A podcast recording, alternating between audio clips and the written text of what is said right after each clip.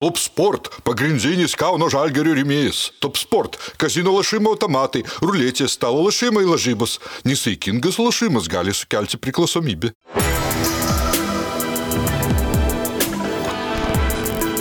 Šviturys ekstra nealkoholinis. Tai, ką sugebame geriausiai.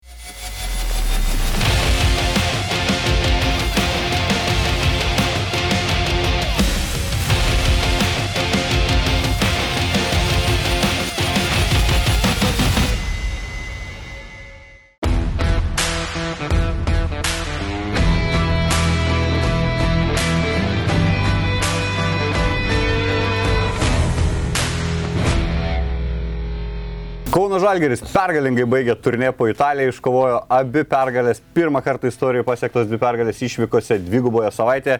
Su pergalėm Tomai. Su pergalė. Šiemet dar nežinom, kas yra pralaimėjimai. Penkios pergalės per paskutinės šešias rungtynės. Kol aš pergalingo švitro nealkoholinio mum atkimšiu, tu pasakai, ką apskritai tai rodo apie komandą, kur dabar Žalgeris yra. Tarkim, Kazis Maksvitis kai praradome Evansą, kalbėdamas apie naujokų būtinybę, sakė, sausis mums labai svarbus, nes žaidžiame su savo lentynos komanda, komandomis. Ar dar yra komandų Eurolygoje, kurios būtų nežalgerio lentyna? O bendrai Eurolyga galima teikti, kad e, šį sezoną tiek yra uh, pajėgi Eurolyga, kad tu nebežinai, arba laimi prieš lyderius Baskonė ir tai atrodo nėra visiškai kažkokia sensacija, o paprasčiausiai normalus Eurolyginis rezultatas. Tai čia lygiai taip pat Žalgeriui Galima pagirti tai, kad pagaliau tu pajunti, kad tie žaidėjai, kurie galbūt mažiau turi talento, bet didesnį charakterį, jau pradeda laimėti prieš tuos žaidėjus, kurie yra, turi daugiau talento. Tai čia aš manau galima pakelti taurę už tai, kad už Algerį, už tokį, kuris šį sezoną susilybdė taip, kad netgi talento trūkumas kompensuoja begalinį norą žaisti kiekvienose rungtynėse, charakterį ir na, gerą chemiją komandos viduje. Nepakeis apskritai tų elitinių komandų vadybos suvokimą apie tai, kaip reikia komplektuoti komandas, dabar vis tiek matome, kad akcentas vis dar būna rezultatyvėjam žaidėjim, tom vadinamom žvaigždėjim, mokami milijonai aikštelėje matom, kad ne milijonai laimi, laimi ta širdis e, žaliai balta. Taip, mes matėm jau, na ir buvo tų situacijų, kad, kad e, kartais patenka tos komandos arba patenka į aštuoniukę tos komandos, galbūt kurio da, biudžetai tikrai nėra patys didžiausi. Čia buvo ir, ir, ir Bayernas, Bayerno pavyzdys, ir, ir, ir, ir, ir, ir Partizano lygiai taip pat buvo, buvo keletą metų, čia anksčiau apie, apie, apie šneku, apie e, tos galbūt irgi komandas, kuriuose nebuvo labai daug talento, bet buvo tikrai tokia chemija armija, kur, kur prasideda viskas nuo, nuo gynybos, nuo galbūt disciplinos ir, ir, ir, ir tie talento, talentų buvimas arba daug talentų buvimas ne visada atspindėdavo komandos rezultatuose. Uh, už pergalę. Už.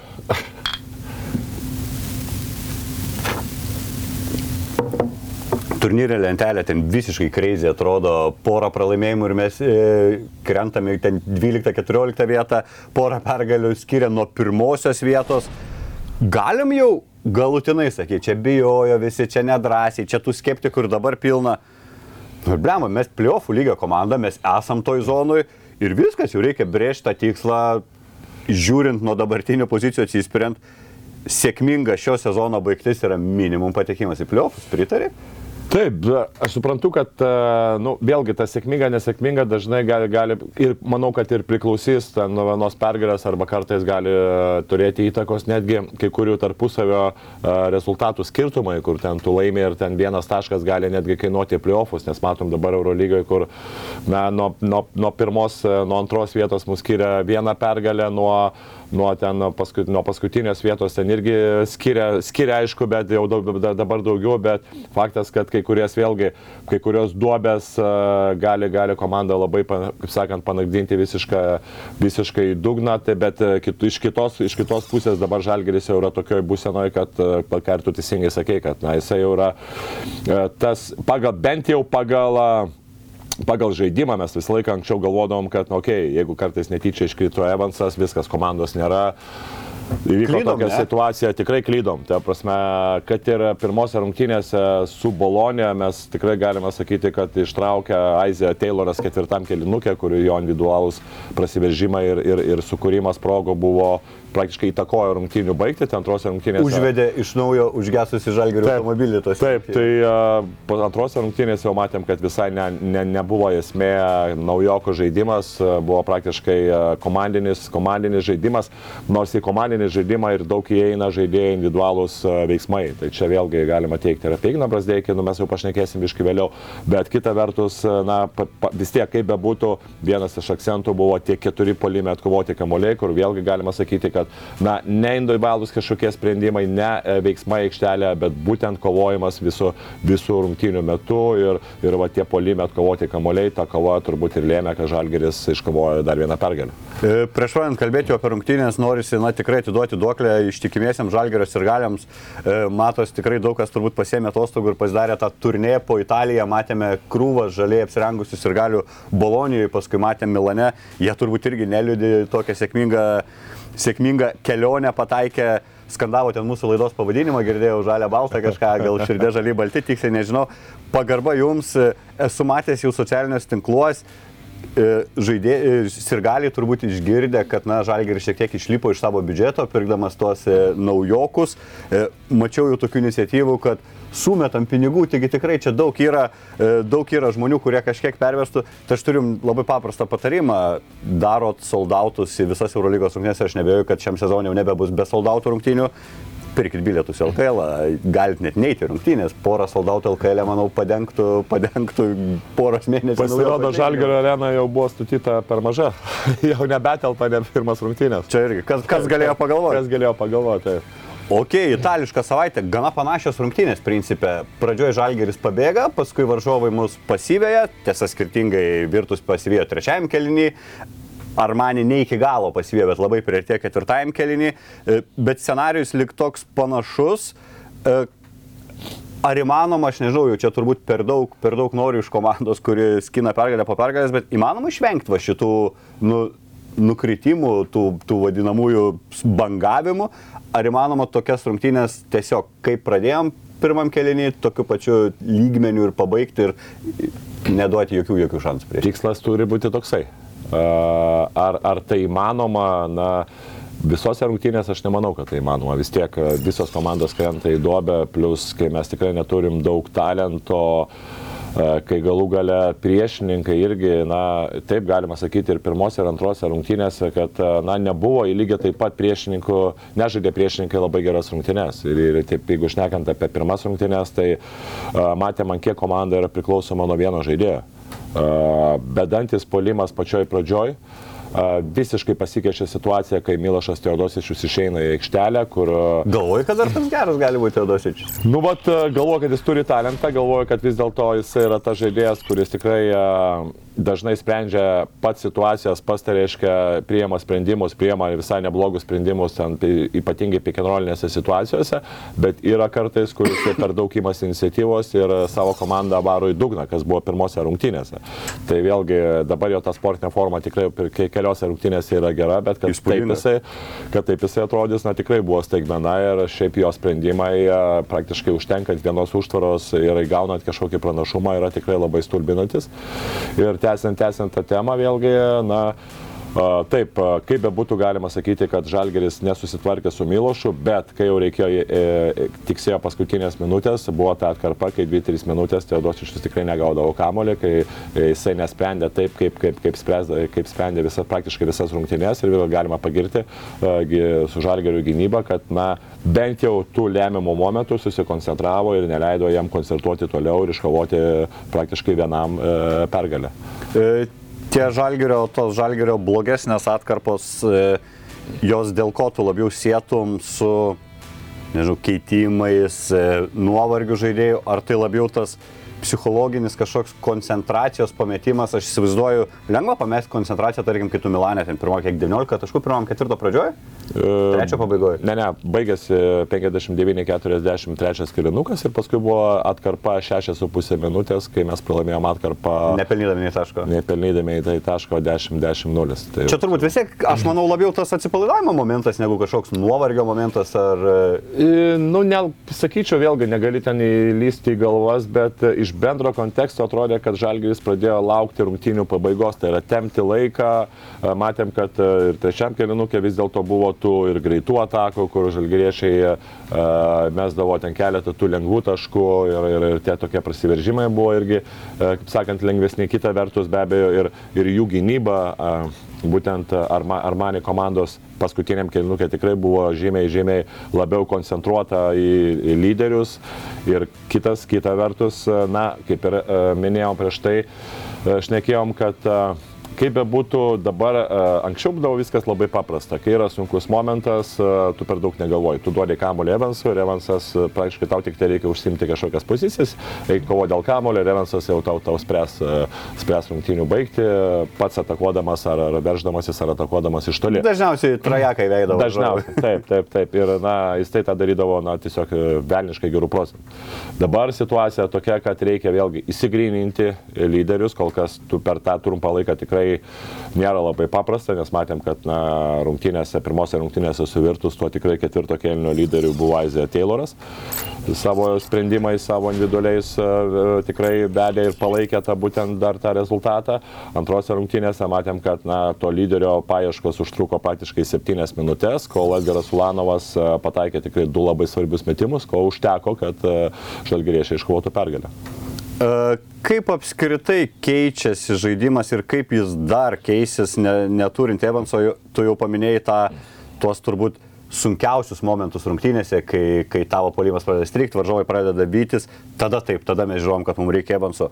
O tarkim, paprastose situacijose, pirmieji keliniai, antrieji keliniai, kai nėra kažkokių duobių, kas, kas, kas dar keičiasi apar to, kad neturim to pagrindinio, kai niekas neina, kur gali mesti rytaškį?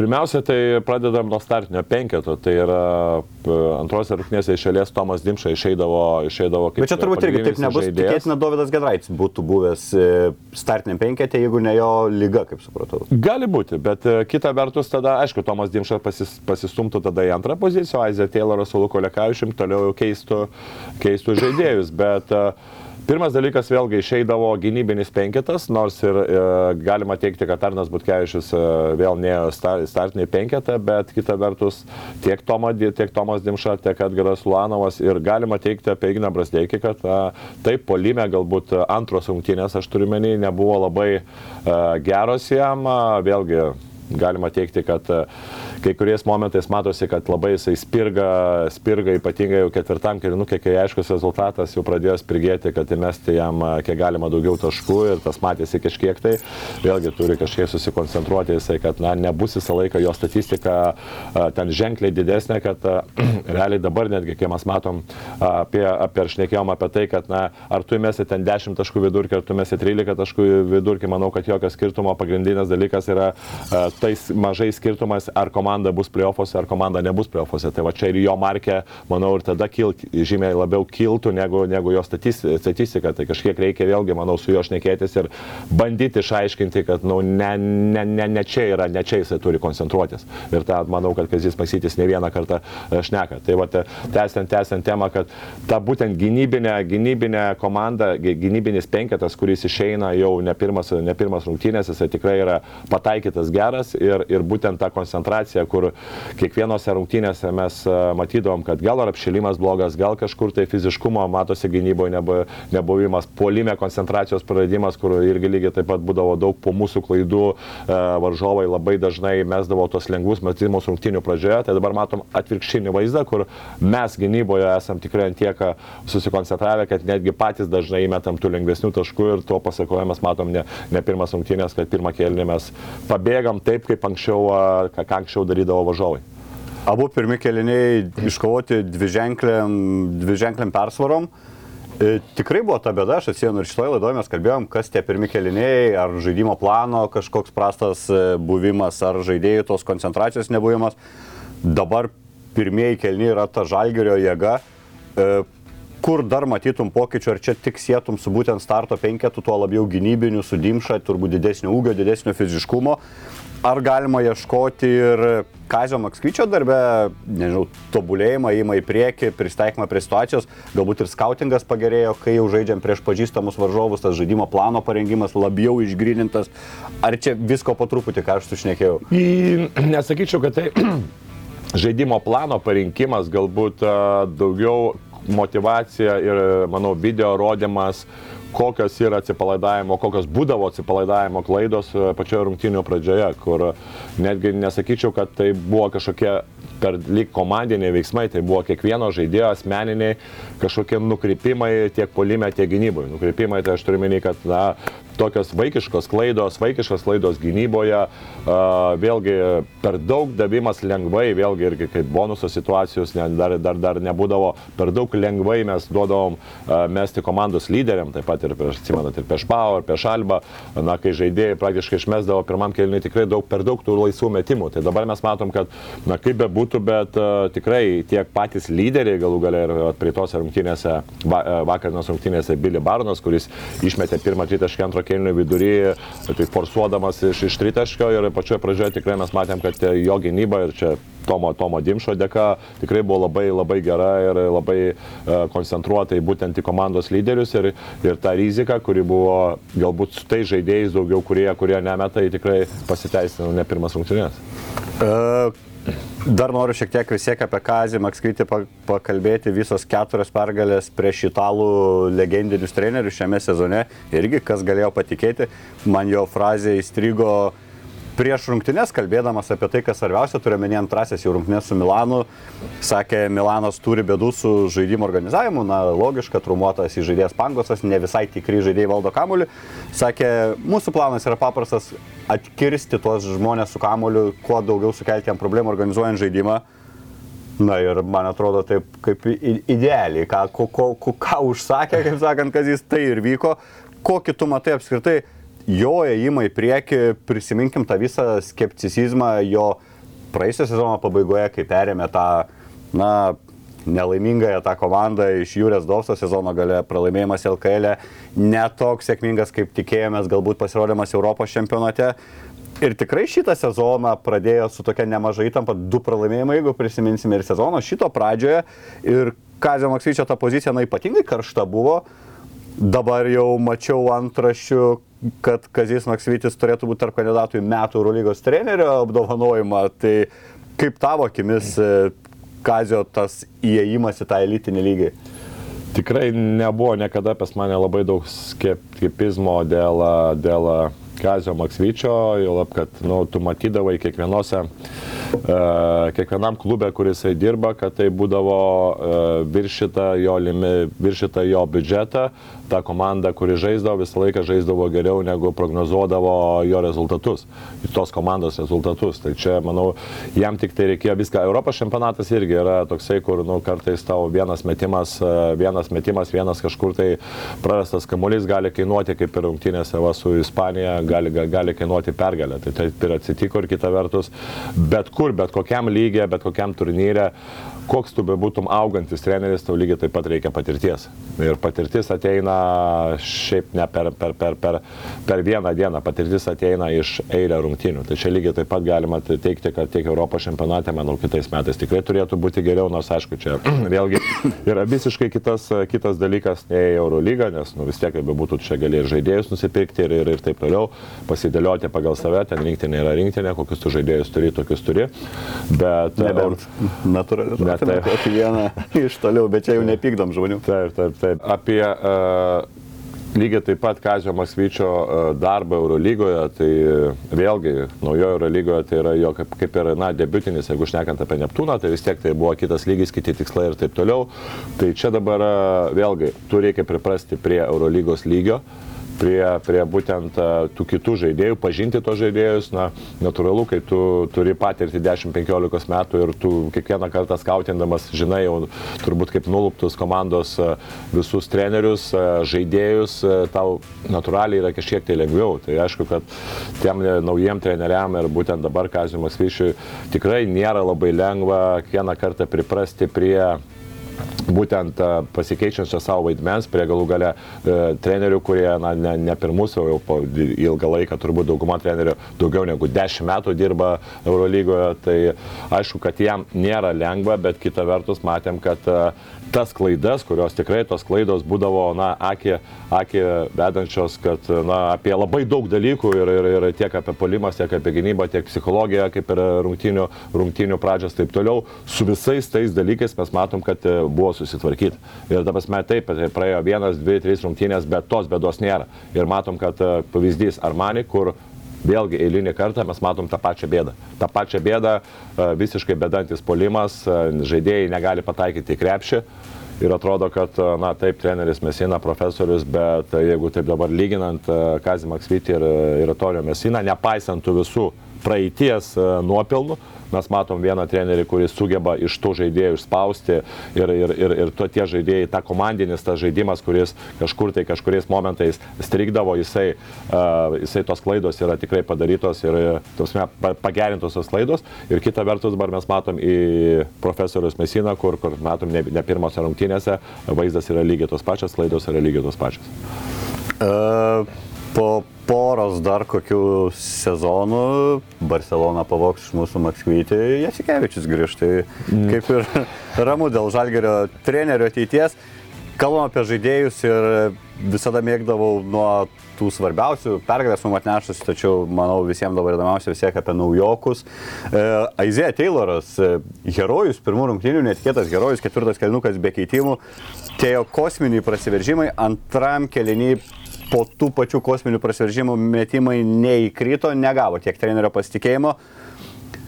Ką pamatėm? Aš pamačiau žmogų, kurį neužpausi kamulio, nesimsi jau su kamulio valdymu, su kuo kuo tai ten elite visiškam. E, kelią link lanko panašu irgi ras bet kurioje situacijoje, bet ten jau šiek tiek prasideda problemų. Tas lengvas kūnas galbūt gavęs kontakto ore jau to metimo stabilumo nelieka. Atsimenam tą Evansų užtikrintą užsibaigimą, kuris ore atrodo ir sustingdavo, varžovai labiau nuo jo atsimuždavo, Tayloras to neturi. Ir tas tritaškis šiek tiek nugazino pirmos rungtynėse, tokį paleido, kur neaišku, ten per toli pam pusės metro į dešinę liktais. Tas tritaškis, kaip supratau, jį persikė visą gyvenimą, dėl to jis neužsikabino MBA, dėl to ten nebetapo paklausus. Klausimas, ar, ar tai jam leis ir žalgerį, kaip, kaip, kaip čia dažnai minim tą frazę, užpildyti tos Evanso paliktus batus, tavo pirmieji įspūdžiai apie Taylorą, kiek jis dar gali aukti. Na, uh, patiko labai tai, kad žaidėjas taip jisai yra greitas, velniškai greitas, bet būtent tas situacijų skaitimas, kai jisai prasiveržia ir kai sutraukia pagalbą ir numeta tikrai savalaikiai ir gerai numeta kamolį, čia yra tikrai rodo o kažkokią tokią optimizmą, kad vis dėlto, na, jeigu jau matysim, kad tikrai kažkur bus atsitrauks ar dvigubins, kad jisai tikrai ne, nelips į medį, o priims gerą sprendimą. Tas yra labai labai svarbu. Kita vertus be abejo yra metimas, bet vėlgi, jeigu jisai turėtų metimą, Aš nemanau, kad su tokiu greičiu jisai e, būtų dabar šiuo metu be darbo. Tai vėlgi mes šnekam apie tai, kad iš tos pozicijos Uh, iš tos būtent nelengvo žalgeriui pozicijos, manau, mes tikrai ištraukėm geriausią variantą. Sakau, jis turėtų metimą, manau, kad jisai galbūt ir Eurolygo nežaistų, turbūt žaistų MBA. Taip kad, nu, vėlgi, bet kokiu atveju mes turim žaidėją su labai aiškiais pliusais, bet ir pakankamai aiškiais minusais. Kiek jo rolė, manai, daugės, e, ne, nebaigsis turbūt sezono turėdamas 11-12 minučių vidurkį Ne, tai čia jisai netam pirktas yra, kad, kad Polonara galbūt gali būti vis tiek, jisai jo pozicijoje yra Rolandas Šmicas, kur matėme ir paskutinėse dviejose, ir šia, šią savaitę jisai rodė labai e, gerą, gerą, gerą žaidimą, tai čia dėl Polonaro galima teikti, kad gali būti, kad jo galbūt e, žaidimo ir minučių e, kreivė bus tikrai labai didelė, vienose gali žaisti daugiau, kitose mažiau, čia irgi priklausys tiek nuo jo, tiek ir nuo jo tiesioginio konkurento Rolando Šmito, bet vėlgi su Aizija Tayloro aš manau, kad Na, ne, neturėtų. Pagrindinis startinis žaidėjas už kelių rungtynių? Be abejo, turėtų tai būti vis tiek, kaip bebūtų, tai yra dar, dar tik tai pradžia ir e, po truputį įvedinėja. Aišku, aš manau, kad vis tiek turėtų, turėtų po truputį jau kaip ir e, prisiprasti ir e, užimti tą startinio vietą, nes e, svarbu, manau, kad tokiem žaidėjim, e, ypatingai, kurie na, ne, šį, šį sezoną Nadolų pradėjo praktiškai kaip tik tai pagalbinis žaidėjas, tai ta žaidimo jausmas, kai tu žaidži paskutinės minutės, kai tu eini į startinę penketą ir, ir tavo svarba komandai, tai vis tiek tai yra labai svarbu tam žaidėjui. Aš manau, kad yra ir tam pirktas su tą rolę, kad pakeisti Evansą. Tai vėlgi tada klausimas, per kiek laiko šitas atsitiks, bet manau, kad na, artimiausiose rungtynėse jau aš taip galimai galvoju, kad galbūt ir būt, bus pradėta su Aizija Tayloru. Kita vertus, Čia irgi yra toksai diskusijų klausimas, kur tu matai, kad jau rungtynės buvo, nu, dvi rungtynės tu išėlės laimėjai, e, pradėdamas su tuo pačiu startinio penketu. Ir galbūt yra irgi mintis, kad e, kol kas dar nekeisti, dėl, ne, ne, ne dėl būtent pačio Aizio Tayloro, bet būtent dėl komandos, kad e, pati rungtynių pradžia yra labai svarbi ir galbūt davė impulsą komandos rezultatam paskui, vat, paskutinėse rungtynėse ir keisti dabar tą startinę penketą irgi čia reikėtų labai smarkiai apmastyti. Na, kitas žalgerio varžovas irgi labai specifinis, aiškiai išreikštais lyderiais, kurie yra mažiukai, tai ten gal ir bus pakeitimų, pakalbėsime apie tai šiek tiek vėliau. Polonara, kitas žalgerio naujokas, po 13 minučių vidutiniškai sužaidė Italijoje, 2,5 taško, abiejose rungtynėse atkovoti po, atkovojo po 3 kamolius. Matėm taiklų tritaškį antrose rungtynėse, kas nudžiugino, matėm gana keistą prasiveržimą ir užsibaigimą tokiu oldschooliniu kabliu, pasakyčiau. Ne kaip žiūrės šitas prasiveržimas. Matosi dar šiek tiek pats žaidėjas galbūt sutrikęs, tačiau rodo didelį norą ir man bent jau žiūrint per televizorių matos tik tais ta chemija. Panašu, kad Polonara toks iš karto yra mėgstamas komandos narių. Apie tą patį šnekėjau Lanovas po pirmųjų rungtynių, akcentuodamas tą aistrą, širdį, norą kovoti. Ko kitu tą pirmą įspūdį gavai iš tų minučių, kurios, na, galbūt ir nelabai didelės, tačiau vis tiek jau kažką pamatėm. Iškart matosi, kad tai nėra žaidėjas individualistas. Tai yra pirmiausia galima teikti, kad a, na, buvo tų momentų galbūt, kai buvo svarbus momentas a, tiek pirmose, tiek antrose rungtynėse ir jisai neforsavo, jisai a, supranta, kad na, jo galbūt tiek ta sportinė forma, tiek galbūt įėjimas į komandos dar tikrai nėra tas, kad jisai imtųsi ten, a, imtųsi per daug iniciatyvos. Tai turbūt čia ir, ir treneris jam tą nuteikinėjo ir galų gale pažaidėjas supranta, kad reikia po truputį įeiti ir kad jo ta rolė tikrai nėra iš pat pradžių daryti taškus ir jo nebus ta rolė. E, Kas liečia apie tai, e, ką jisai vėlgi, ką mes pamatėm, tokius kažkokius pliusus, minusus, tai jeigu mes matom Aizei Taylorą, kuris e, turi aiškius aiškius pliusus ir aiškius minusus, tai dabar išnekant apie Polonarą, tai vėlgi yra tas žaidėjas, kuris, na, Taip, jo tas prasiveržimas e, nėra labai blogas, jo metimas nėra labai blogas, bet Kaip daug technika pati metimai, aišku, kai turi Mulanovą, sunku apie kitų technikų. Su jo, jo, diskutuoti. taip, Bet taip, toks bet- irgi atsainus atrodo. Atsainos atrodo, kad truputėlį jisai tą užlaiko kamolį. Tikrai, aš taip sakyčiau, jeigu tai pamatyčiau į metimo, tai sakyčiau, galbūt galima rizikuoti, bet vėlgi daugiau pamatyčiau Edgarų Lanovą, sakyčiau iš viso, kad atsitraukit nuo jo. tai, tai, tai čia turbūt ir galim šnekėti. Tai kol kas apie Polonaro dar toksai įspūdis, kur, na, tai žaidėjas, kuris galintis iššauti, bet neturi nei labai kažkokių, sakau, e, didelių trūkumų, nei labai didelių pliusų. Tai vėlgi, manau, kad kaip komanda jisai turėtų vėlgi tikti dėl to, kad jisai yra tas žaidėjas, kuris irgi galintis prasiveršti. Labai va tam yra dabar žalgerio žaidimas, yra labai į, į tai, kad e, kiek galima daugiau e, akcentuoja kamulio judėjimą, kamulio, kamulio numetimą įsiveržus ir tie vėlgi tie mažai rezultatyvų perdavimų, ką mes matėm, kad tik tai pirmose rungtynėse mes atlikom 10, bet vėlgi negalima sakyti, kad kamuolys nevaikščiojo, kad buvo tikrai tų situacijų, kai kažkas įsiveržinėdavo į vidurį, numesdavo, kažkas dar kartą įsiverždavo, dar kartą numesdavo ir na, būdavo tų situacijų, kad kartais ir trečias būdavo prasiveržimas, kur jau nebe, nebegali duoti rezultatyvus perdavimo, bet vėlgi tai yra ne iš individualų, vien tik tai iš aiso situacijos, bet būtent iš to komandiškumo, iš gero ka, kamulio nusimetimo ir būtent, e, kaip ir Kazis sakydavo, kad na, kuo mums reikia dažniau judinti kamuolį, tuo gynyba visą laiką bus sunkiau. Tai vat, e, manau, kad Polonara iš šitą būtent žaidimo, e, iš Žalgirio tą stilių yra tikrai tinkantis žaidėjas. Dar ir tokį mažiau akcentuotą dalyką atkreipčiau dėmesį prie pliusų Polonaros. Man bent jau susidarė įspūdis, kad jisai pakankamai gerą perdavimų įgūdį turi, ko tarkim, iš Tylerio Kevino kartais sulaukdom tų tokių, tarkim, jeigu metai perdame per visą aikštelę skersais būdo per aukštas, komandos draugas nepasiekė. Polonara tam kamulio judėjime tikrai matosi, kad jaučiasi gerai, neiškrenta iš konteksto ir man dar patiko jo ta kova dėl kamuolių, turbūt, kaip nežinau, ar taip galima pavadinti, atrodo, kad lipnios rankos būtų traukę tiesiog kamuolį ne iš tų, kuris ne, negraibytų jo, ne, ne, neišsidėva sviestų rankų prieš rungtynes. Bet šiaip turbūt kol kas dar irgi daugiau klausimų negu atsakymų, kokią naudą duos, kaip pritaps ir ar bus tas Achilė Polonara, apie kurį na, svaigsta krepšinės ir gali kiti podcastai, matydami tai kaip galbūt net didžiausia žalgerio žvaigždė šiuo metu. Na, nežinau, kad didžiausia žalgerio žvaigždė, tai aš taip labai abejoju, ar jisai jau taip įsitrauksiu, lab, kad sakau, kad na, jo ta pozicija irgi yra Rolandas Šmits, kuris tikrai atrodo labai, labai gerai ir paskutinėse rungtynėse vėlgi, mes dažnai apie Šmitą sakydom, kad uh, netgi netaškuose, vėlgi, kaip ir nu, dauguma turbūt žalgerio žaidėjų, kad netaškuose jo yra stiprybė, bet uh, kartais, kai tu pralaimi ir tu matai, kad, na, Rolandas Šmitas 2 taškai, ten 7 atkovoti kamuoliai, ten Pesarna 2 taškai, ten 8 atkovoti, pas Edgarą tas pats ir vis tiek mes pralaimėjome rungtynės ir tada vis tiek atsisukia į, kai kurios žaidėjus, kad na, vis dėlto ypatingai iš priekinės linijos, kad, okei, okay, gynėjai, galbūt kai kurie gynėjai sumetė savo taškus, bet nu, būtent kažkokio taškų ir agresyvumo iš priekinės linijos tikrai reikia. Tai va dabar būtent ir yra, kad yra Rolandas Šmitas, kuris tikrai žaidžia agresyviai, kuris dabar duoda ir su Kavariu Heisu, ir kartais su Laurinu Birušiu duoda tikrai didelį apčiuopamą naudą polime. Ir, na, bent jau tikimės, kad Polonara irgi kas nuo karto kai kurios atskiros atskirose rungtynėse, kai galbūt ir nesiseks Rolandų Šmitui, lygiai taip pat bus ta žaidėjas, kuris, na, kai kuriais momentais patrauk žalgerį, e, žalgerį polime, bent jau atskirais kažkokiais momentais. Top Sport - pagrindinis Kauno žalgerio rėmėjas. Top Sport - kazino lašimo automatai, ruletės, stalo lašimai lažybos. Nesaikingas lašimas gali sukelti priklausomybę.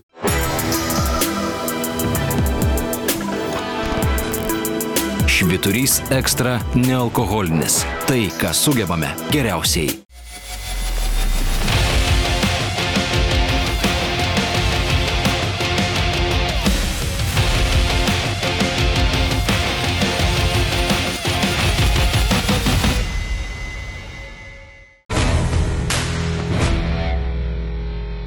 Kas perims tą lyderio vaidmenį iš Evanso, Tai Rūlė Šmits yra vienas iš kandidatų, jis taip pat parodė, e, šią savaitę jis yra rezultatyviausias žalgerio žaidėjas, 17 ir 13 pelnytų taškų, 12 e, sumojo atkovotų kamuolių, e, pagaliau pradėjo kristi ir tritaškiai metimai, kur šiek tiek procentai šlubavo sezono pradžioje, tačiau dabar jau pasiekė tą tokį, kaip sakau, padorų 35 procentų, padorę 35 procentų žymę.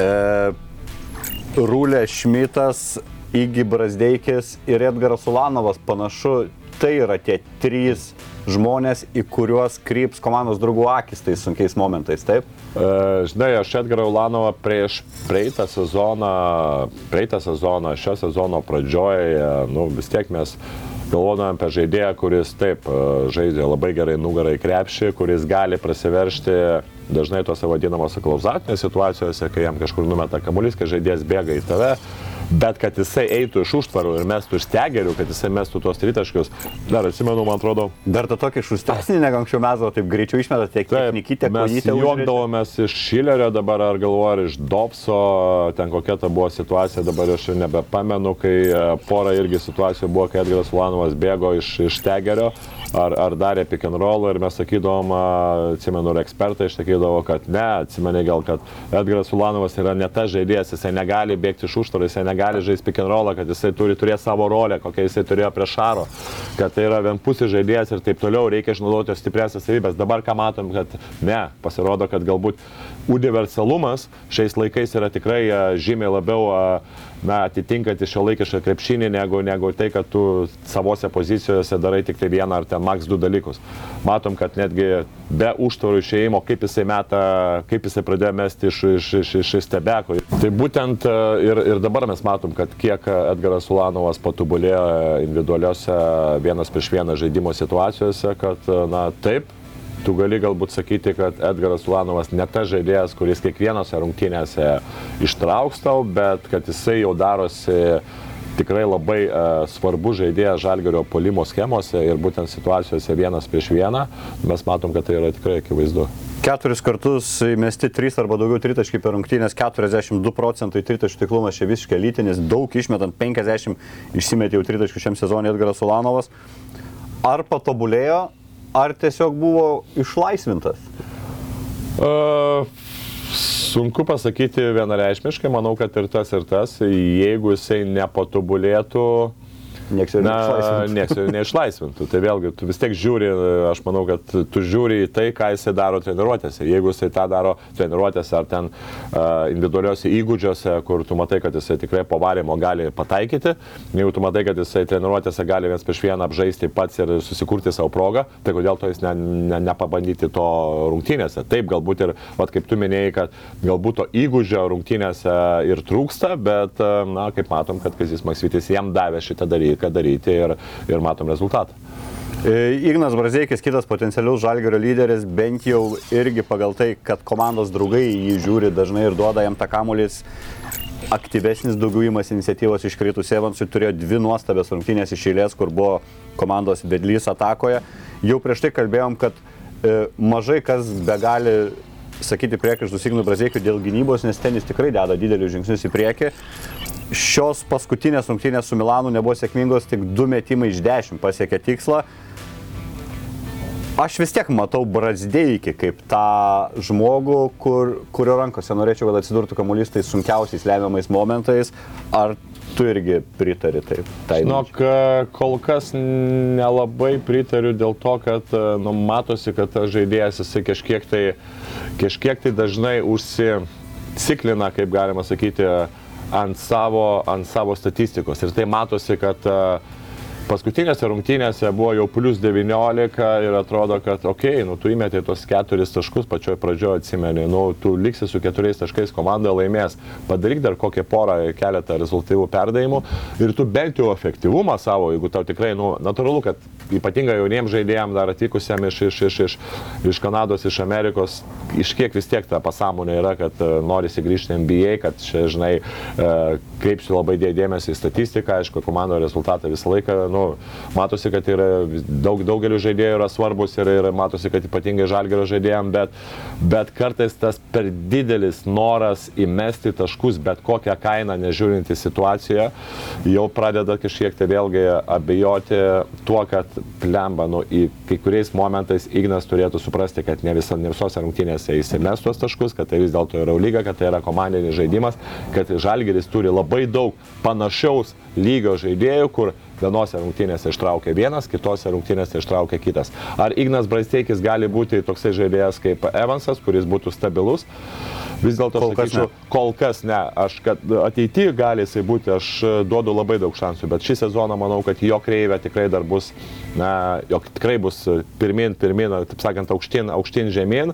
Ir teikti, kad Ignas Brasdeikio atiduoti tą Evanso rolę, nesakyčiau, tai vėlgi, galbūt momentais vienose kitose rungtynėse jis gali būti to lyderiu, galbūt bus karštas žaidėjas, kuriam ir paskutinį metimas e, bus patikėtas, bet vėlgi, kad jisai bus e, grinai komandos, komandos lyderis polime, stabilus komandos lyderis polime, dar kol kas šį sezoną manau, kad ne, nematau jo. O dėl lemiamų metimų paskutinėse atakose, tas sulės tritaškis šiaip jisai vertas atskiro paminėjimo ir apkalbėjimo. Sunkus metimas, priešininko ranka ten piršiukais praktiškai ją susilietė. Tokio elitinio metiko užsibaigimas, ne? Uh, supraskim, kad Edgaras yra šiaip nu, aukštas, pali, aukštas žaidėjas ir jo metimo technika. Sunkiai dengiamas už, taip, metimas. už, uh, užsidėjus kamolį už galvos, tai čia natūralu, kad tau reikia dar papildomai ne tai, kad iškelt ranką, bet dar pabiški truputėlį į priekį, pasvirti, norint blokuoti metimą arba būti, na jau tikrai aukštesnis žaidėjas. Tai čia Edgara, Edgaras turi šiokią tokią privalumą ir kita vertus vėlgi matėm, kad jisai tikrai ėmėsi iniciatyvoje savo rankas. Aš manau, kad uh, suprato vis dėlto, kad, uh, na, kol dar neįsivažiavo Aizė Tayloras, potencialiai galbūt e, norima, kad bus su ta žaidėjas e, su kamoliu paskutiniais momentais, bet e, kai to žaidėjo dar, dar, dar, dar nėra pilnai įėjęs į komandą, Edgaras e, puikiai pasiemė iniciatyvą savo rankas. Tas E, tikrai sveikintina. Monstrišką Heiso pasirodymą pamatėm, pakartojo rezultatyvumo rekordą, jis taip mums prisistatė lygiai tiek pat taškų pelydamas, tai jis tiek pat taškų pelnė pirmosios Eurolygos rungtynėse, tai jo naudingiausios e, rungtynės Eurolygoje. Kas leido Heisui turėti tokias rungtynės, ar čia kažkoks varžovų specifiškumas, ar tiesiog kai turi tokių domenų vidurio polėną, natūralu, kad 2, 3, 4 tokios rungtynės per sezoną tiesiog jam sukris. Taip, bet e, priešininkai tikrai nebuvo iš lengviausių tiek Dėvisas, tiek Heinzas, e, fiziškai žaidėjai, ypatingai Heinzas, kuris pasižymė gerą kovojimo, e, gerų kovojimo dėl kamolių ir gerų fiziškumų, nors nėra aukštas žaidėjas. Ištumė iš varžovų. Taip, tai vėlgi, tai jo tie tokie polime atkovoti kamoliai, kurie virto praktiškai visi turbūt, nu, pirmi trys tikrai e, virto taškais, tai jiem leido kažkaip pajūti tą pasitikėjimą.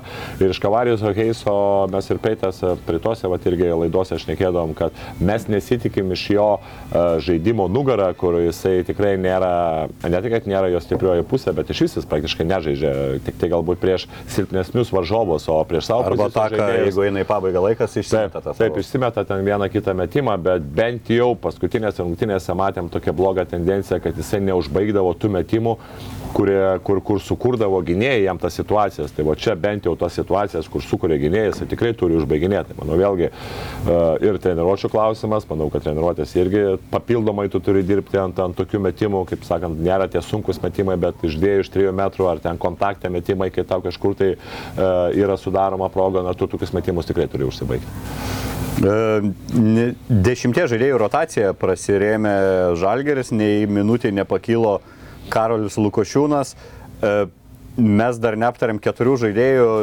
visiems gal laiko neskirsim. Arnas darė Arno dalykus, tiesiog jo, jau jau. Tai nelabai kažką galima šnekėti, nu, tai jau mes matom, kad, kad jisai taip. Bet vis dar nustebina tas blokas e, legionierių Milano, kur iš vidutinį metimą darė, tiesiog paėmė, nusiblokavo. Tie atkovoti kamuoliai polime jau irgi tampa kaip ir normalu.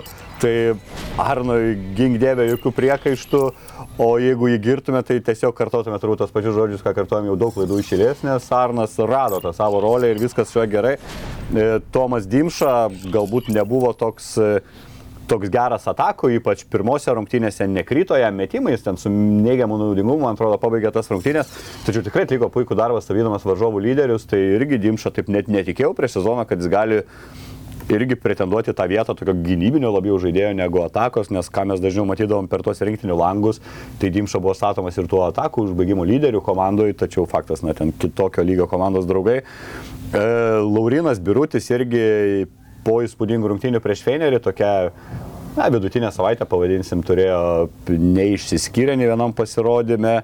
Bet vėlgi negadino žaidimo, kaip pasakyti, nebuvo taip, kad uh, tu išleidai Lauriną Birutį ir kaip čia būdavo jau daug ir komentarų, ir, ir, ir fanų tokios pozicijos, kad na, jis jau ne, nėra tas žaidėjas, kuris traukiantis Eurolygą, kad mes gaunam daug taškų per jį, kad jis galbūt neužsibaiginėja tų metimų polime, bet kad ir dabar ta statistika buvo prastesnė, kai, kai kur galima sakyti ir antrose rungtynėse prastesnė dėl to, kad Kavalius Geisas tikrai polime sprogo, bet vėlgi, na, jis tuos metimus kai kurios užsibaigia. Aišku, kai tu laimė, tai kažkiek tai jau kitaip žiūri visus žaidėjus, bet šiaip kol kas paskutinėse bent keturiose penkiose rungtynėse, kad ir Laurinas arba sulošė palime arba ne, bet, bet e, kad ir ne, neįmeta taškų, bet mes nematom labai daug jos kelių, kur sakytum, kad žaidimas su juo e, visiškai, visiškai grūna.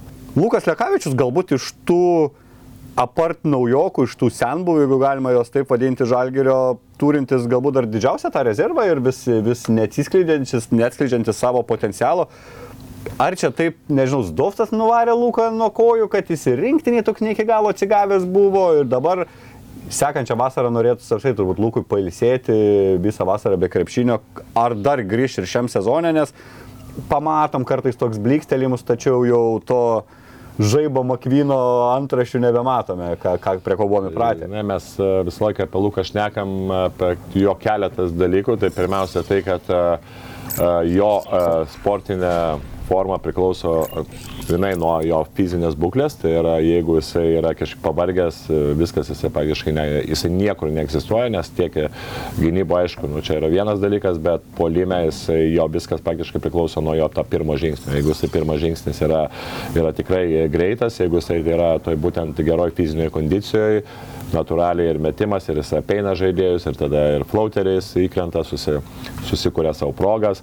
Jeigu to nėra, matosi, kad jisai pradeda strikti ir na, kažkur tai jį tada e, sakant, kažkur kampe statyti ir kad jisai mestų tau kažkokią tokią metimą, ne, tai jau ne, nėra ta žaidėjas, kuris, kuris, kuris tą darytų. Kita vertus, be abejo, matom, kad e, Dabar Lukas yra tas, kur e, jam irgi, kaip galbūt ir Edgarui Lanovui, e, jisai matom, kad veržiasi daugiau ir į dešinę pusę, kuriam neleidžia kairę pusę ir taip toliau, bet vėlgi dažnai mes matydom iš Luko, kad jam labai dažnai būdavo sudaromos tos sąlygos kairiam šonė, prasme, jeigu taip dabar einu, galbūt jo, dešiniam šonė žiūrint į krepšį, kad jisai gaudavo dažnai handoffo kažkokias situacijas ir jisai iš to handoffo situacijos iš aukštai, pas, pas, kaip sakant, užsikurdavo, pradėdavo vežti veržtis į kairę pusę, ten būdavo dar statoma arba kažkoks spaniškas pikenrolas nugarinė užtvara, arba dar kažkokia užtvara ir būtent daug žaisdavo ant, ant, būtent ant jo. Tai kai kuriais momentais irgi galima sakyti, kad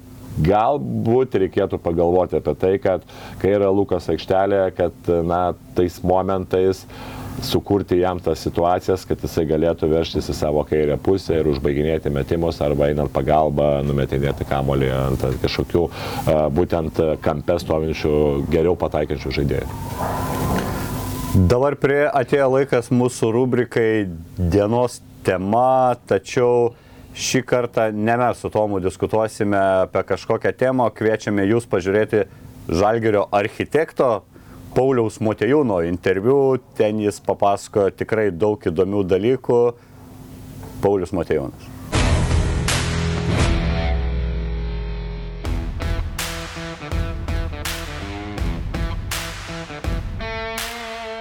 Čia vėl visą laiką tą kartojom ir eitume su, su mase, ta prasme, ką nuspręstų lyga, nes nekartą esam sakę, kad prioritetas yra Eurolyga, tai yra pajamos, tai yra žiūrovam patrauklumas, ne, LKL yra antroje vietoje.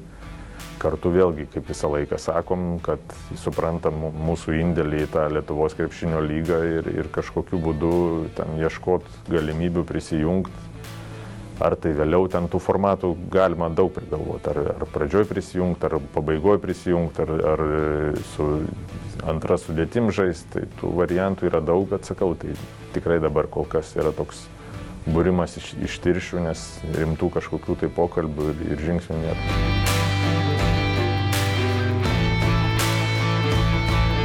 Visų pirma, tai mums reikia nustatyti, kiek tikrai tų konkurencingų komandų gali būti Lietuvoje.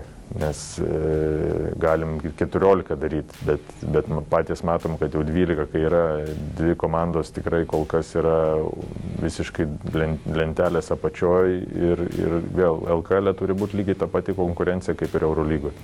Jeigu yra kelios komandos, kur, kur nesugeba laimėti nei vienų rungtynių ar ten vienas rungtynės per pusmetį, tai nei tiem klubam aš įsivaizduoju yra įdomu dirbti ir ten stengtis, nei ten žaidėjim ir nei, nei žiūrovom tiem patiem. Tai ta lyga turi būti konkurencinga, mes turime aiškiai žinot, ar tai 10 komandų LKL gali būti ir, ir pagal tai ryštis, kiek, kiek galim žaisti rungtynių. Tai, tai šitą dalyką galvoju reikėtų išspręsti visų pirma, o paskui jau galvoti apie tai, kaip mes ar tris ratus žaidžiam, ar du ratus žaidžiam ir, ir vėlgi tą sistemą analizuoti. Bet, bet vėl, kiek žinau, yra sutartis su televizija, kad reikia tų rungtynių ir, ir dirbam dėl to, kad būtų tas skaičius.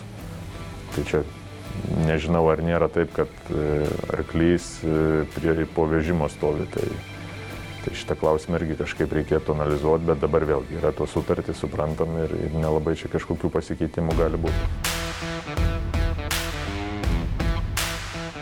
Tai mums tai tikrai ne, mes sakau, mes konkuruojame Eurolygai, bet aš įsivaizduoju tiem mažesniem klubom, tai tikrai pagrindinius lietuvius imt, e, vis tiek jų yra tiek, kiek yra, ypač to lygio. Tai kai pradeda tarpusavį konkuruoti, tai, tai nėra naudinga ypač tiem mažesnio biudžeto klubam ir, ir taip ta rinka išsikreipia. Tai paėmus vėl tie patys vilkai atsirado šiemet, jie paima 3-4 žaidėjus pas save, kurie galėtų būti tose kitose komandose pagrindiniais žaidėjais. Tai automatiškai tos komandos nebeturi ką imti ir, ir, ir silpnėja. Tai sakau, ta konkurencija išsikreipia.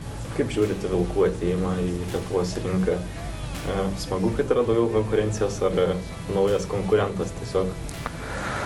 Žiūrim neutraliai iš tikrųjų. Tai dideli planai pas juos, e, aiški vizija, aiškus savininkas, e, tai matysim, kaip jiems seksis. O, o, o vėlgi, kaip sakau, mes Lietuvoje žiūrim, kad esam tikrai stipriausia komanda vien tik dėl biudžeto ir, ir dėl tos istorijos, tai visiems pasiruošę padėti ir, ir norim, kad, kad visi klubai čia Lietuvoje auktų, žaistų sėkmingai tuose tarptautiniuose turnyruose. Tai sakau, ne, nežiūrime tai, kad atėjo kažkoks konkurentas ir dabar reikia su juo čia trūks plyš konkuruoti aikšteliai. Kas bet atsitiktų, vis tiek visą laiką turėsim laimėti. O, o už aikštelės esam pasiruošę padėti ir turim galvoti apie tai, kad kaip sakau, Europoje turi tie klubai sėkmingai žaisti ir mes Lietuvą turime reprezentuoti sėkmingai.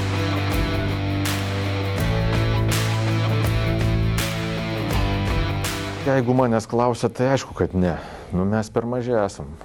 E, per mažai esam vėl patys iš savęs turiu minti konkuruoti. Jeigu paimt vėl tą patį Belgrado pavyzdį, Jeigu ateina vyriausybė ir šalis ir duoda tam tas paramas, europiniu mastu turėjo didelius biudžetus, tada taip.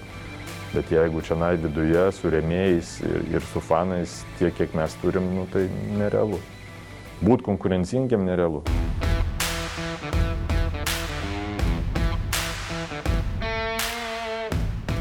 Vėl, man, manau, kad vėl situacija tokia, kad turėjom stiprų užnugarį savivaldybės. Tai nuo pat pradžių jisai buvo ir, ir, ir su Kaunu buvom sutarę ir, ir tą paraišką pildėm, žinodami, kad jie tikrai bus. Ir Eurolyga suprato vis tiek, kad e, jiem iš karto sakėm, žiūrėkit, šitą garantuojam, o ten nėra aišku. Viską darysim, kad būtų, bet nėra aišku, ar bus. Ir, ir nuo pat pradžių buvo pateikta ta e, paraiška su savivaldybės, su, su mero parašu, visa jo komanda sakė, kad mes pasiruošę Ir, ir tas ir padėjo garantuoti. Jeigu būtume laukę ir, nieko nepateikę ir, ir, ir, ir tada iššokti tą traukinį būtų sudėtinga, bet dabar tiesiog taip gavosi, kad žinojo, kad jau šitą tikrai turi. Ir lyginant su kitais konkurentais vis tiek buvo tas pasiūlymas geras, tai taip ir gavosi, kad pavyko. Tai sakau, čia didžiausias nuopelnas yra tai, kad e, Kauno miesto savivaldybė, meras, e, visi palaikė kai reikėjo raštus rašyti, irgi nebuvo taip, kad pradėjo dvėjoti ar ten sakyti, kad tvirtinam kažkada vėliau, nes tų apėjimų yra krūva. Bet nuo pat pradžių sakė, išspręsim, e, išsiuntė raštą ir, ir dėl to turėjom tokį užnugarį, kaip sakau, pagrindą ir, ir gavosi, kad to užteko. Vėl ta konkurencija buvo, girdėjau, aš pats nemažai tų konkurentų, spaudoje keli buvo pasirodę, e, Eurolyga aiškina taip, kad dauguma E, miestų nenori atsirasti spaudoje kaip, kaip galimi kandidatai Final Four, nes jeigu pralaimi, tai tada yra nemalonu ir, ir tiem politikam, ir, ir tiem patiem miestam, dėl to yra tas toksai nekomunikavimas, kas, kas nori daryti. Tai tikrai tų konkurentų buvo, bet vėl reikia neslėpti, kad tai, kad labai ilgai viskas užsitęsė, mums išėjo į naudą, nes e, užteko, kaip sakau, to pasiūlymo tokį, kokį turėjom su miestu.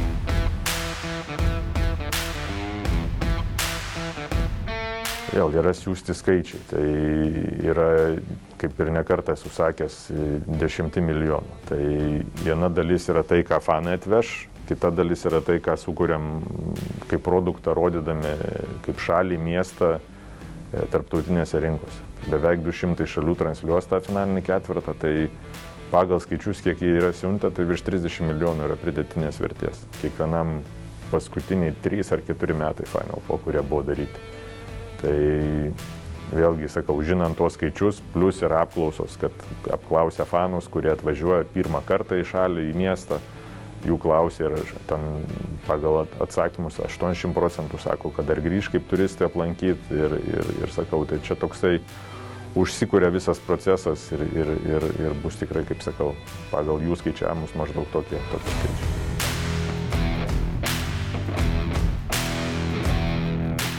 Vėl tas skamba taip negerai, bet e, Final Four yra pakankamai brangus biletai. E, kai pamatysim kainas, tikrai matosi, kad tai yra prabangos, sakykime, dalykas. Ir, ir kaip sakau, kad ne Lietuvos, tai vis tiek, kiek aš pats važiuoju į Final Four, ar tai, ar tai Serbijoje buvo, tai visus metus, kiek būdavo, dauguma tu matai kitų šalių fanus atvažiuojančius. Tai aš tą turiu minti, kad dauguma išperka tos brangesnius bilietus, e, tų šalių, kurio, kurių komandos daugiausia šansų turi, turi patekti fanai. Tai visas tas Final Four procesas ir yra užkurtas, kad kaip mes kalbam apie tai, kas atitek šaliai, tai iš turistų, kad atvažiuos. Tai, tai sakau, tas turnyras tikrai nėra taip, kad mes sakom, kad čia lietuviai nepirkit, neikit, e, bet normalu, kad daugiausia pritraukia to užsienio fano, ko paprastai mes žaisdami, sakykime, žalgerį su kažkuo, tai mes jų nepritrauksim. Atvažiuoja kiek įmanoma tos komandos fanų, bet vat, būtent tas finalinis etapas jau pritraukia daug daugiau tų užsieniečių. Tai, tai dėl to sakau, kad Eurolygos tas pats turnyras, jisai nėra, kad e, žaidžia kažkas tai ir mūsų fanai ateina žiūrėti. Ateina žiūrėti tų komandų hardcore'iniai fanai ir, ir, ir dėl to pats Eurolygos tas pateikimas yra kaip, kad užsieniečiam atvažiuoti į tą šalį.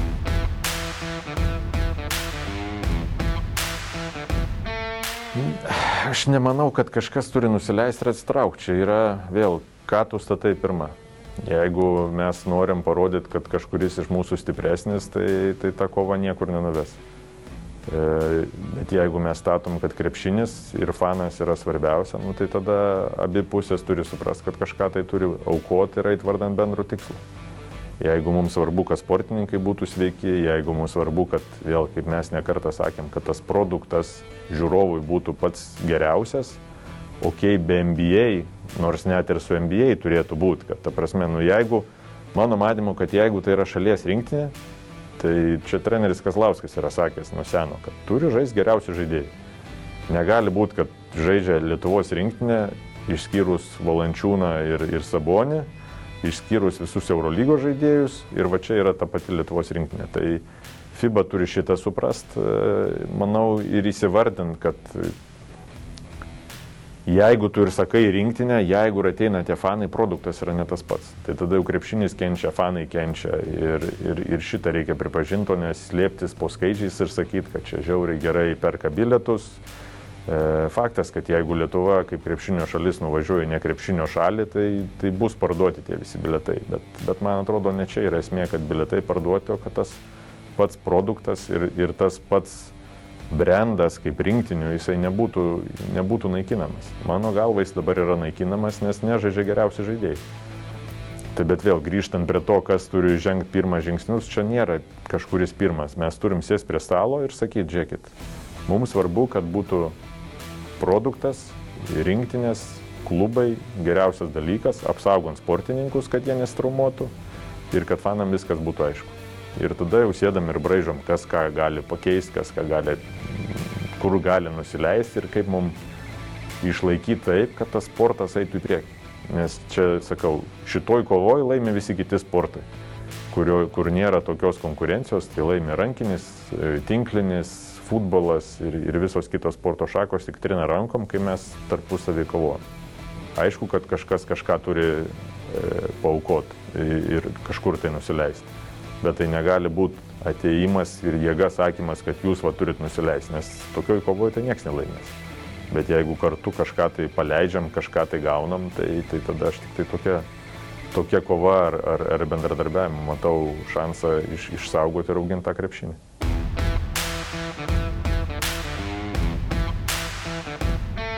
Nemanau, ant, sakau, aš kai Eurolygos pusėje sėdžiu, tai kitais sakiniais viską žiūriu ir, ir manau, kad taip, šiemet yra sudėtingiau dėl to, kad normalu nėra daugumos rusų komandų, tai, tai tas turėjo pasijausti ir, ir vėl ta, ta gretinėlė turėjo pastiprinti pastiprint Eurolygą bet, bet nemanau, kad e, Europos taurės laukia kažkoks tai blogas likimas. Tai tikrai ta lyga yra ir jinai yra kaip langas, vienintelis langas ir pagrindinis langas į Eurolygą. Tai manau, kad čia tik laiko klausimas, kada vėl tos jėgos susi, susireguliuos ir, ir ta lyga stiprės.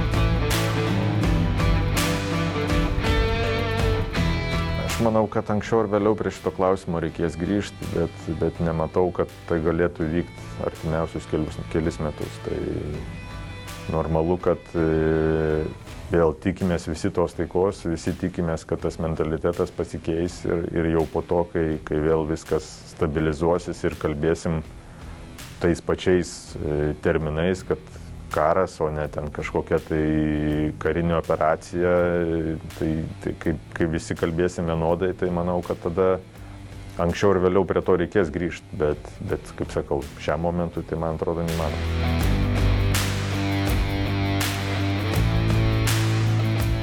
Tai susitvarkom pradžioje LKL, kai žaidėm, žaidžiam su, su Lietkabeliu ir, ir pasaulio futbolo čempionato finalas vyksta tuo pat metu, tai ne, nesuvokiami dalykai. Tai vėl čia viskas sureguliuojama su televizija. Eurolygai sunkiau, nes yra krūva šalių, bet čia, kaip sakau, Lietuvos krepšinio lyga, nu, mes negalėjom tokio dalyko leisti, nes nu, nesąmonė. Ta prasme, sėdėm ir, ir, ir jungiam per kubą įvarčius pasižiūrėti. Tai tokio lygio renginys ir, ir mes žaidžiam LKL su visa pagarba ten, ten mūsų tom rungtynėm, bet nu, laikas negali sutapti. Top Sport - pagrindinis Kauno žalgerio rėmėjas. Top Sport - kazino lašimo automatai, ruletės, stalo lašimai lažybos. Nesaikingas lašimas gali sukelti priklausomybę.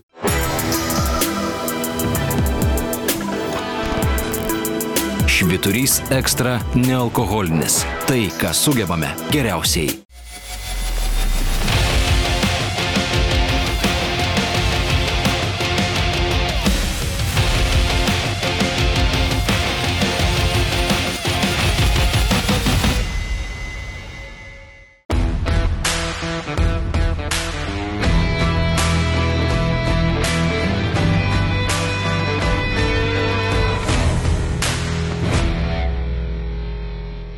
Grįžo Kauno Žalgeris iš kelionės, sėkmingos kelionės po Italiją ir sekančios Eurolygos rungtynės jų laukia namuose, vėl jau mum įprastas sausakimšo arenui su turbūt, na, nežinau, čia ar derbių galima vadinti, bet principinių varžovų tikrai ir ne tik dėl tų batalijų, kurios vyksta krepšinio aikštelėje, nes perėjau visą istoriją, tai daug rungtynių, kurios pasibaigė vieno, dviejų taškų pergalę.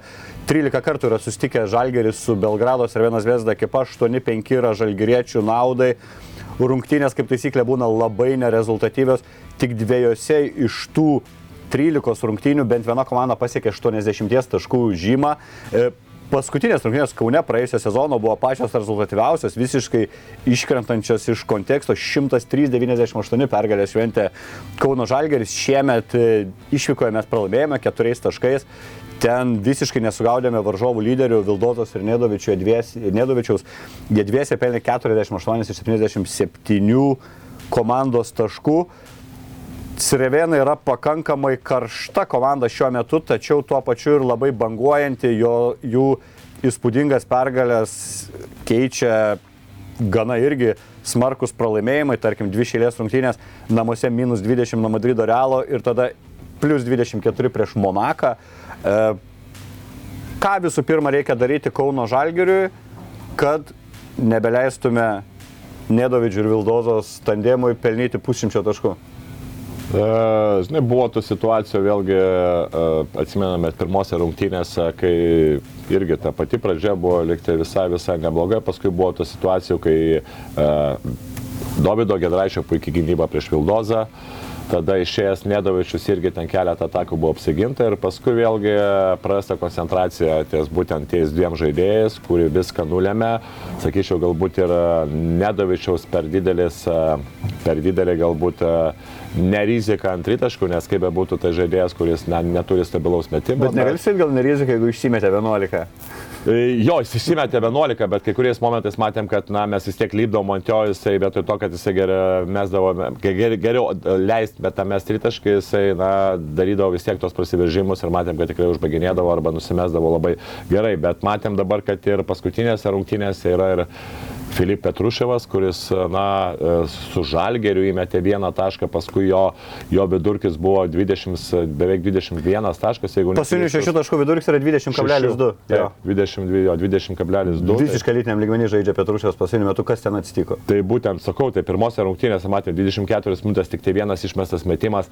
Galbūt galima teikti situacijas, kad Žalgeris, vėlgi, Petruševo išėjimas irgi negalima teikti, kad jisai buvo labai blogas su Žalgeriu, nes daug situacijų kur e, mes pradėdom į dvigubinti ir, ir tada suvaikščiodavo taip kamuolys, būtent nuo Petruševo perdavimo, kad arba Bildoza, arba, arba, arba ten kitas žaidėjas mesdavo tritaškus ir na gaila, kad tie tritaškai, tritaškai pasiekdavo tikslą. Bet visumoje rungtynėse su Cervena Zvezda mes praktiškai pralošėm per turbūt vieną ataką, kai keturis taškus mes praleidom su Kavarijos ir Heiso tą klaidą iš, išmetant kamolį ir tada net kovotų kamolių. Tai praktiškai, jeigu tu atsimeni tos, ta, būtent tas rungtynės, tai čia buvo labai, na, toks epizodas, kai mes praktiškai turėjom rungtynio, uh, rungtynio praktiškai vadelės visas savo rankose ir tas būtent uh, patakoj pramesti, praleisti tokie keturi taškai, galima sakyti, ir įtakoja rungtynių baigti. Tai vėlgi, Ta, taip, ta komanda priklausoma yra dabar nuo galbūt trijų žaidėjų, Petruševas, Vildoza, grįžęs lygiai taip pat ir, ir Nedovičius. Tai e, aš sakyčiau, kad e, Žalgeris tikrai tose rungtynėse vėlgi turi ką. Pirmas dalykas tai yra labai aktyvi ir agresyvi gynyba. Uh, kur mes matėme rungtynėse su Žalgeriu, kad kiekvienas perdavimas yra tikrai denainamas, nedavimas priimti kamulio. E, natūralu, kad e, yra Nedovičius, kur mes turime ir tiek pikinrolinėse situacijose, tiek žaidimo Aizo vienas prieš vieną tikrai kreipti labai didį, žymiai didesnį vaidmenį.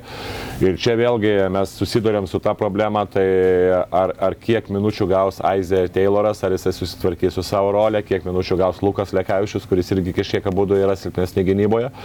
Nors na, vakar Aizė Taylorą buvo situacija, kur taip ir pakankamai neblogai apsigynė vienas prieš vieną ir tada vėlgi nuo pradžios, ar Davidas Gedraitis irgi bus aikštelėje, ar, ar, ar vėlgi kas, kas, kas kurie žaidėjai dengs e, tuos du žaidėjus, bet matėm, kad netgi Arnu Butkevičiui momentais buvo sunku dengti su Nedovičium, kuris irgi vienas prieš vieną situacijose, na, gana neblogai e, žaisdavo, e, žaisdavo būtent prieš Arną. Nedovičius kiekvienas išmestas tritaškis, man atrodo, yra pergalė gynyboje, jo tas tritaškių procentas nesiekia 25, jis turėjo tik vienas rungtynės, kur pataikė pusę savo bent jau išmestų metimų, tai buvo kaip pataikė du tritaškius iš keturių, daugiau visose didžioji dalis jo metimų skrėja pro šalį. Ir man irgi kažkiek buvo piktas džetas pirmos rungtynės, kai bėgam prie jo stovinčiam tritaškais, prasiveržė, užsibaigė iš pokrepšio. Uh, Fakundo Kampaco pasirašė Cervėnas Zvezda, nekeistas tu buvai pasirašymas, kai tu turi du lyderius Viloza, Nedovičių, principę mažiukus, jimi dar vieną lytinį mažiuką, nebus paskui problemų ten sukišant visus. Nu, man tai kažkaip keista, tai yra trys žaidėjai, kurie, na, ne vienas iš jų negali žaisti trečių numerių. Jeigu tu suprantu, kad tas žaidėjas galbūt būtų, kuris ten galėtų žaisti antrų, trečių numerių, tu išleidai trys ir tau galvos neskauda. Kaip yra, pavyzdžiui, Nado Lopes, kur Klaiburnas, taip, taip, taip. Galinti žaisti, nu, trečios pozicijos žaidėjas. Bet dabar, kaip be būtų, na ir bus rungtynių galai, kur, kur, kur bet kokiu atveju norės turbūt kiekvienas iš jų žaisti ir, ir labai bus įdomu būtent per psichologinę tą prizmę, kaip jausis tie žaidėjai, bent vienas iš jų, kuris, kuris rungtynių, rungtynių galės sėdės ant suolo. Ar, ar tikrai jis bus patenkintas, ar kitose rungtynėse jis nepradės forsuoti ir, ir konkuruoti. Už, už gynybai per daug problemų turės. Ne, tai be abejo, tai aš manau ypatingai dabar, dabar kaip pavyzdys, jie žaistų žalgirių su trim, jeigu žaistų, jeigu kampaso, aišku, būtų žaistų uh, su trim gynėjais tai natūralu, kad iš karto tu siunti Edgarą Ulanovą. Kuris prie Ulės. ir viskas. Tai. E, bet panašu, kad Kampaso dar kurį laiką nepamatysim, Eurolyga laikosi principingai, pažįstos ten finansinės drausmės taisyklės Štarvienas Vėzoje ekipoje. Neaiškus ten tie pinigai, ypač kai turbūt užsisuko didėjai kranai, kurie anksčiau buvo nukreipti į Rusijos krepšinio klubus. Žinome meilę tarp Rusijos ir Serbijos, tai panašu, tie patys pinigai randa savo kelius į tą Serbijos krepšinį. Tai ir nereikia jam, kad leistų, leistų pasirašyti tos naujus žaidėjus. Gerai, Tomai, nesėkminga prognozėmis tavo buvo praėjusią savaitę turbūt neliūdė dėl to. Tikrai neliūdė. Ne, tai pirmosios, žinai, buvo vėlgi tokia situacija, galėjau aš ten ir pasitaisyti, bet, e, atsimenėme, aš nekėjom apie tai, kad, nu, tikrai mažai šansų, kad e, bus kažkokie legionieriai ir, aišku, kai, kai pasirašė su legionieriais, galvoju, nu, čia dabar situacija gali apsiversti. Ir aš taip, taip ir galvoju, kad dabar aš, jeigu būtų va ta situacija su tais legionieriais, tai aš matyt turbūt nieko neprognozuočiau, nes, nu, neįmanoma prognozuoti, kai tu nežinai e, nei kokie žaidėjai tie sportinė forma, nei kaip jie eis ir taip toliau taip toliau, bet tikrai džiugu, kad, kad, kad mano prognozijas neįsipildė. Kas liečia dėl kitos prognozijos, žinok, aš, aš dabar, va, dabar šitoje situacijoje tikrai manau, kad Žalgeris namie turi ir įveiks ar vieną zvezdą. Iš 19 rungtynių dabar esi 16, gerai nuprognozavęs, 3 suklydęs, prie tų 3 dar žvaigždutę dėsim, nes na vis tiek situacija tikrai buvo neįlinė, bet e, dabar tu esi tikras, kad iškosim pergalę ir Žalgeris turnyriniai lentelį po 20 rungtynių jau turės keturiom pergalėm daugiau negu pralaimėjimų. Taip. Kiek apie tai buvo galim tikėti prieš sezoną? Ne, Be šansų, ne? Be šansų, tikrai. E, Žiūrint į pačią netgi sudėti, pačioj pradžioj, nugalvoju taip, mes prognozavom žalgerį apie 12-12 vietoje, kol galvoju, kol įsivažiuos, ar, ar tie žaidėjai patems e, Eurolygos lygį ar ne, kad galbūt kai kurie legionieriai yra silpnesni, bet e, galbūt neprognozavom, kad bus antiek e, ta chemija gera ir antiek žaidėjai su charakteriu ir antiek tai, uh, Kazis Maksvytis uh, užkurs taip žaidėjus, kad jie kovotų tiek už, už žalgerį, tiek už jį. Tikrai to, tokio dalyko tikrai nesitikėjom ir uh, matėm uh, turbūt pagal išpirktus bilietus, ant kiek žalgeris yra mylimas šiais metais. Na, jeigu Žalgeris įveiks Treveną, paskui laukia rungtynės su visiškai stringančia Panatinaikos, kur iš rotacijos iškrito Maris Grigonis, irgi žaidė už milijoną laiko ant suolo. Jeigu tos dvi pergalės iškovotos, žinau, kad žinai, ką pradės šnekėti. Ne tai, kad į pliofus reikia patekti, reikia namų pranašumą turėti pirmam pliofų etape. Su šia mintim jūs ir palieku, tai buvo širdie žaliai balti, Tomas Purlys, aš Justas Nulickas. Remkite mūsų laidas Contribui platformą, jeigu negalite savo to leisti, bent paspauskite like mygtuką. Ačiū, kad žiūrėjote. Iki. Top Sport – pagrindinis Kauno žalgerio rėmėjas. Top Sport – kazino lašimo automatai, ruletės, stalo lašimai lažybos. Nesaikingas lašimas gali sukelti priklausomybę.